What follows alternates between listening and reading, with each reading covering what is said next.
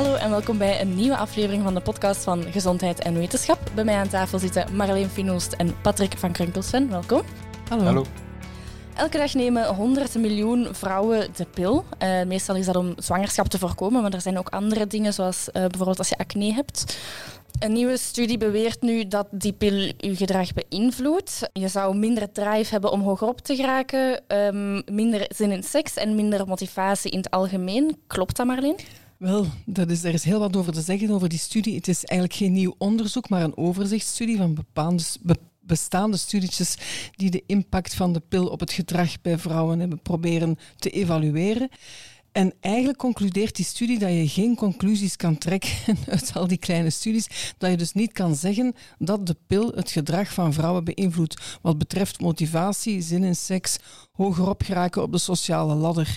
Er werd nog van alles anders beweerd. Zo manier waarop vrouwen zich kleden bijvoorbeeld. Ook dat zou allemaal te maken hebben met de pil.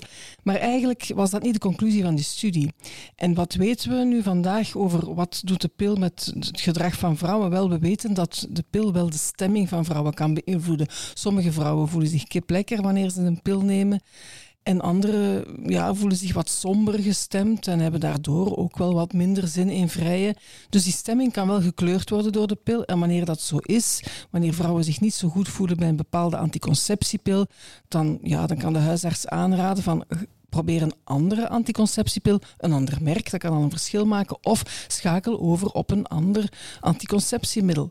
Dat is wat we weten over wat de pil doet met, ons, met onze stemming eigenlijk. Maar ons gedrag sturen, dat doet ze niet. Dus daarin werd wel overdreven. En waar komt dat dan vandaan? Wel, dat is gebaseerd op, op allerlei kleine studietjes bij een tiental vrouwen, waar men naar ging kijken. A, vrouwen die de pil nemen, die gaan zich minder sexy kleden dan vrouwen die, die de pil nemen, die gaan zich sexier kleden rond de, in, de, in de dagen rond de ovulatie, rond de ijsprong. Dat soort zaken waar eigenlijk waar niet gekeken werd naar beïnvloed, andere beïnvloedende factoren en dergelijke. Men kan daar geen conclusies uit trekken. En wat die overzichtsstudie eigenlijk zei, concludeerde, was die waarschuwde voor dat soort onderzoekjes, omdat dat net zo, ja, gooi dat in de media en ja, mensen trekken daar, uh, trekken er allerlei conclusies uit die er niet uit te trekken zijn op dit moment. Er is geen degelijk onderzoek over de impact van de pil op het gedrag van vrouwen. En het is een beetje jammer. Het is zonde dat de kranten dan net die studietjes daaruit pikken die eigenlijk niks aantonen. Dat heeft een beetje zorgen gebaard en voilà, we hebben dat uh, denk ik goed rechtgezet. Allemaal na te lezen op onze website. Ja, en dan net die overzichtsstudie die wilt waarschuwen voor die kleine studies, wordt weer fout opgenomen. Ja, ja, het waren drie psychologen die aan de basis liggen van die overzichtsstudie en die geven zelfs een aantal aanbevelingen voor onderzoekers. Als je onderzoek doet naar de impact van de pil op het gedrag bij vrouwen, let dan op die en die en die factoren en kijk, toch heeft men dat, heeft dat net niet de media gehaald. Spijtig. Ja, sommigen beschouwen toch de pil nog altijd als een van de grootste uitvindingen van eind vorige eeuw. Juist omdat het de vrouwen meer zelfstandigheid en vrijheid heeft gegeven. En zeker in, in, relaties. Uh, dus we moeten toch altijd een beetje voorzichtig zijn van, van de grote lijnen niet te vergeten. En ik denk dat het een, een heel goed goede manier blijft om aan contraceptie te doen. Ja, dat is een zeer goede opmerking eh, van Patrick. Waarom hebben de pil? Dat heeft net heel veel vrouwen in de jaren 60 vrijheid en seksuele vrijheid gegeven. En dat nu zo gaan verguizen naar de andere kant, de andere kant op gaan, dat is eh, nergens voor nodig. Het is nog altijd een, een van de beste en ook een van de veiligste anticonceptiemethodes. Oké. In Nederland beginnen ze aan een grootschalig onderzoek. Uh, eh, 400.000 inwoners krijgen een uitnodiging om zich te laten screenen op longkanker. Um, en waarom doen ze dat onderzoek nu juist? Ja, longkanker blijft natuurlijk een zeer uh, ernstige kanker. Hè. We weten dat ondertussen heel veel kankers goed kunnen behandeld worden, maar longkanker is vaak toch wel een, een diagnose die leidt tot een overlijden. En we hebben in België toch een 8000 nieuwe gevallen per jaar, dus dat lijkt toch wel een interessant iets om aan preventie te gaan doen. Nu is er een jaar of drie, vier geleden is er al onderzoek in de Verenigde Staten geweest, ook in Europa. En dat heeft gekeken in hoeverre dat een CT-scan, bijvoorbeeld één keer per jaar of per twee jaar, bij mensen die roken of zwaar gerookt hebben, of dat dat niet een middel was om te gaan zien in een heel vroeg stadium, heeft die iemand longkanker of niet. En dan kan je natuurlijk gemakkelijker gaan ingrijpen. Die studie heeft heel veel kritiek gehad. En nu gaat men in Nederland nog eens een keer terug uh, de studie overdoen. Want er zijn inderdaad toch wel veel vragen. Uh, iemand die rookt, om te beginnen, die, die overlijdt vaak aan longkanker, maar nog vaker is er vroegsterfte omwille van hart- en vaataandoeningen. Mensen die roken hebben vroeger een, een hartinfarct, om maar, om maar iets te noemen. En het onderzoek heeft zelf ook toch nadelen. Als je een CT-scan doet bij iemand, dan zie je soms een longkanker, maar vaak ga je gewoon een letseltje zien, een littekentje op de longen. En dan weet men niet, ja, is dat nu kanker of niet? We gaan moeten ingrijpen. En dus uh, heb je bij zo'n onderzoek ook vaak wat we noemen vals positieve. En we weten ook niet hoe vaak dat we dat onderzoek moeten doen. Er wordt stralen gebruikt. Het kost ook veel. Zo'n CT-scan bij zo'n grote groep mensen altijd herhalen kost ook veel. Dus we moeten toch oppassen om altijd te denken dat preventie de grote oplossing is. Tot nu toe moeten we eigenlijk zeggen, we weten het niet, dat we een goed onderzoek hebben. Het is goed dat de Nederlanders, Nederlanders het terug gaan onderzoeken. En laat ons vooral onze tijd en energie steken om mensen niet te laten roken.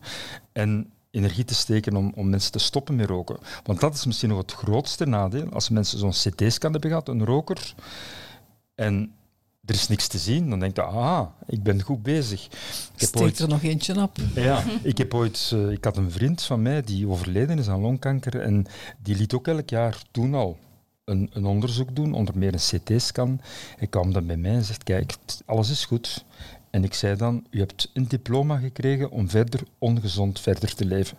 Dus dat is een van de grote gevaren aan dit onderzoek. En laat ons dus maar even afwachten wat het onderzoek brengt en vooral mensen aanraden om te stoppen met roken. Ja. ja, en bovendien op zo'n CT-scan, als men die doet, uh, CT-scan van de longen, vindt men van de 100 verdachte vlekjes die men vindt, zijn er eh, de helft geen longkanker. Maar om dat te weten, moet je daar een biopsie van nemen. En dat, een biopsie nemen van jouw longweefsel, dat is echt wel op zich een, hele ingreep. Hè. Met een bronchoscoop, zo'n kijkbuis in de longen gaan, daarin prikken in zo'n letsel, dat is, ja, dat is eigenlijk op zich al uh, een zware onderzoek. En je gaat er dus veel te veel, uh, veel te veel mensen onnodig ongerust maken, maar ook al die bronchoscopieën moeten doen, al die biopsies moeten doen om te kijken, is het hier verdacht of niet? Want de helft, ik meen de helft van die verdachte letseltjes zijn eigenlijk geen longkankers.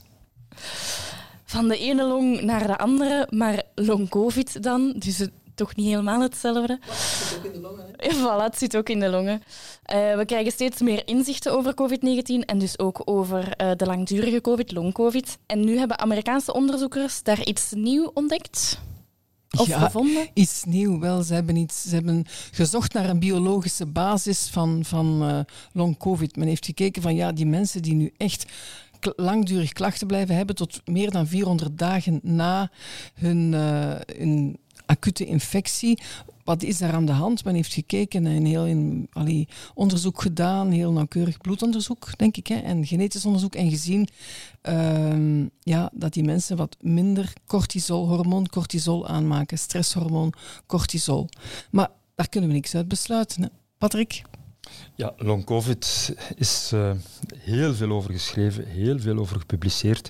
En we moeten eigenlijk gewoon zeggen dat we het nog niet goed weten. Uh, dus mensen die, die vage klachten hebben, en soms ook vervelende klachten, lang nadat ze COVID hebben gehad, en dat kan zijn kortademigheid, typische geur- en smaakverlies is natuurlijk wel wat typischer, maar sommige mensen zijn gewoon wat moe of, of vergeetachtig, concentratieproblemen. En dat is een soort klachten waar wij als huisarts heel vaak mensen mee over de vloer krijgen. Um, ook lang voordat COVID bestond, hadden we dit soort klachten. En nu gaat iedereen dat automatisch koppelen aan het feit dat men COVID heeft gehad. Dus uh, waarschijnlijk zijn er toch wel heel wat, heel wat van die long-COVID um, mensen die eigenlijk gewoon ja, om andere redenen vermoeid hebben of klachten hebben. Nu, we gaan als wetenschapper natuurlijk proberen toch te zoeken, ja, is er niet ergens iets dat toch zou kunnen verklaren waarom mensen toch ziek zijn lang na, na COVID? En men heeft lang dan gaan zoeken naar die immunologie. Omdat COVID, ja, dat weten we, in de acute fase wordt ons immuunsysteem uh, te veel opgezweept en, en, en uh, zijn daar een aantal veranderingen die ons ziek maken. En men zegt, ja, misschien is dat systeem uitgeput of, of, of uh, echt beschadigd. En er zijn al onderzoeken geweest die helemaal niks vonden. Laten we dat ook wel zeggen. Dus heel goed onderzoek uh, dat groepen heeft vergeleken mensen die COVID hadden gehad en, en mensen die geen COVID hadden gehad. Men kijkt na een jaar, men gaat het immunologisch systeem nagaan en onderzoekers vonden eigenlijk niks. Dus er is één onderzoek dat wel iets gevonden heeft. En uh, vooral zoals Marleen zegt, cortisol, dat is een soort hormoon. Dat is een hormoon dat bijvoorbeeld wordt afgescheiden in stresssituaties. Dan stijgt dat om ons wat weerbaarder te maken. Dus zou, zou je kunnen zeggen, als dat hormoon wat laag is, ja, dat maakt ons dan een beetje slapper en minder, uh, minder in staat om tegen allerlei kwaaltjes en vermoeidheid of stresssituaties te kunnen omgaan. Mogelijk is, is dat iets, maar is er nu bewezen dat dat het gevolg is van long-covid? Of het gevolg is dat mensen zich gewoon niet goed in hun vel vinden. Uh, misschien lichtjes depressief zijn. We weten bijvoorbeeld dat depressie ook uh, dat, dat systeem, uh, immuunsysteem kan beïnvloeden. Uh, we weten ook dat mensen die, die, chronisch vermoeidheidssyndroom hebben of, of fibromyalgie, dat daar ook wel dit soort veranderingen worden vastgesteld. Dus de conclusie is, ja, men ziet wel iets bij die mensen, maar we weten absoluut niet dat dat echt het gevolg is van de COVID die men doorgemaakt heeft. Of ja, omdat mensen bang zijn, omdat mensen zich minder goed voelen. Uh, dus het is een beetje de kip en het ei. Um, dus ik denk dat we kunnen besluiten, er is meer onderzoek nodig. We weten dat die long-covid-patiënten ja, dat die echt wel een probleem hebben. Maar de oplossing is toch vaak geduld, uh, is al dan niet onder begeleiding van een kinesitherapeut, langzaam meer oefenen, uh, meer inspanningen doen en eigenlijk revalideren. Hè. Dus uh, stilaan terug uw lichaam sterker maken, terug vertrouwen hebben in uw lichaam. Dat is heel belangrijk. En dan komen de, veruit de meeste mensen komen er dan wel uit. En bovendien uh, zoals Patrick al aanhaalde, je ziet die verminderde cortisolspiegels ook in andere chronische situaties, zoals bij mensen met het chronisch vermoeidheidssyndroom. Dat zien we ook al jaren. En daar weten we al jaren uit onderzoek, hebben lagere cortisolspiegels. En daar heeft men geprobeerd om die cortisol te verhogen, cortisol toe te voegen, te zorgen dat die cortisolproductie omhoog gaat. En dat heeft tot niets geleid. Dus stel nu nog dat cortisol, een verlaging van cortisol, een biologische verklaring kan zijn voor die chronische klachten. Ja, daarom biedt dat nog geen oplossing. De oplossing blijft, zoals Patrick ook al zei, revalideren, uh, psychologische begeleiding, ondersteunen, voldoende rust, kinesiotherapie. Dat blijft, dat verandert niks. Die kennis verandert op dit moment niets aan de aanpak van long-covid. Nee. En in Nederland was er trouwens nog een studie, ook, recent, waarbij bleek dat één op de acht personen die COVID hebben doorgemaakt, long-covid klachten ontwikkelen. Ja, dus ja, het is heel moeilijk, hè, want, er zijn inderdaad veel klachten, blijvende klachten van kortademigheid, uh, geur- en smaakverlies, vermoeidheid, hersenmist, zoals men zegt, concentratieproblemen. Het blijft toch nog altijd uh, koffiedik kijken wat er eigenlijk aan de hand is. Ja, we weten ook, er zijn studies gebeurd waar men een groep patiënten, onafgezien of dat ze nu antistoffen hadden tegen COVID. Hè. Men, had 100 mensen en bij 50 mensen vond men antistoffen, dus die hadden COVID gehad, maar ze wisten het vaak niet. En 50 anderen die helemaal geen antistoffen hadden. En men heeft die groepen gaan vergelijken en um, niet het feit of dat men antistoffen had of niet, dus of dat men echte ziekten had gehad of niet, maar wel het feit dat men wist dat men COVID had gehad, bepaalde of dat men langdurige klachten ging krijgen. Ah ja. Ja, dat is toch wel heel typisch. En dat heeft veel te maken dat je in het nieuws zoveel onheilsberichten ziet. Van, oei, pas op, je hebt COVID gehad, je kunt long-COVID krijgen. Dus dat ver, veroorzaakt eigenlijk, we zeggen dat nocebo-effect. Dus bepaalde informatie, zoals ook bepaalde medicatie, ja, kan mensen beschadigen onafgezien wat er, of dat er iets ernstigs aan de basis lag. Het omgekeerde van een placebo eigenlijk. Ja, dat is het omgekeerde van placebo. Dus die, die onaflatende stroom van negatieve berichten, hoe erg dat COVID wel is, hè, gaat men, mensen ook bang maken. Ik kan, kan echt wel zeggen dat ik heel vaak als, als huisarts mensen in de praktijk krijg en die zo een bepaalde klacht hebben en die dat zelf verbinden aan COVID. Mijn antwoord is altijd nee, uh, we gaan u helpen, we gaan dat oplossen. Ja, en dan gaan die mensen meestal altijd eigenlijk beter gaan. Als ik zou zeggen, ja, ja, dat kan wel met die COVID te maken hebben, ja, dan gaan ze nog banger worden. En dan duw je die mensen eigenlijk een beetje de grond in. Ik denk dat we moeten een, een meer positief verhaal brengen. COVID is ernstig, je kan er heel zwaar van ziek zijn. En als je zwaar ziek bent, heb je veel tijd nodig om te recupereren ook naar andere ziektes trouwens. We gaan hen daarbij helpen. Maar er is eigenlijk niks dat zegt dat je per definitie een langdurige ziekte zou krijgen na COVID. Dat is niet bewezen en we moeten stoppen met de mensen bang te maken. Oké, krachtige boodschap. dat, is, dat is wat we eigenlijk al van in het begin van de COVID-crisis, of van het moment dat die langdurige COVID-klachten zijn beginnen opduiken, uh, kloppen we op die hamer en we volgen dat uh, corona We kloppen op de nagel, Marleen. ja, het is juist. We kloppen op de nagel. Dus sinds, dat, sinds het begin van de coronacrisis, coronapandemie en sinds dat de eerste berichten over langdurige COVID-klachten opdoken, zijn opgedoken, zijn we dat gaan volgen en merken we dat er eigenlijk nog niets, niet echt veel uit de bus gekomen is van verklaring of van mogelijke onderliggende mechanismen. Dus we blijven daar toch wel sceptisch tegenover staan. Oké. En dan nog iets vrolijker om af te sluiten. We hebben hele warme dagen gehad. Hopelijk zijn de laatste achter de rug. Sommige mensen willen dan liever in de airco uh, zitten. Maar zeker met de stijgende energieprijzen is het misschien niet zo'n goed idee om een airco te installeren. Maar is dat ook voor de gezondheid een goed idee of juist niet? Hmm, er was inderdaad, er is de verkoop van airco-systemen is enorm de hoogte ingegaan de afgelopen zomer, omwille van de hitte. En ja, dat verbruikt toch wel heel wat energie, zo'n airco-systeem. En nu zitten we in een energiecrisis. En dan is er ook de bedenking van, ja, is dat wel gezond? Die ecosystemen. En er is een studie geweest, en dat stond in het NRC Handelsblad, dat, dat dat eigenlijk niet zo gezond is, die systemen, omdat je lichaam niet meer zo makkelijk zal wennen aan aan extremere temperaturen, te hoog, te laag. Men zegt van kijk, kwetsbare personen die, ja, die ja, ziek kunnen worden van van ernstige hitte, van hoge temperaturen, van zeer hoge temperaturen.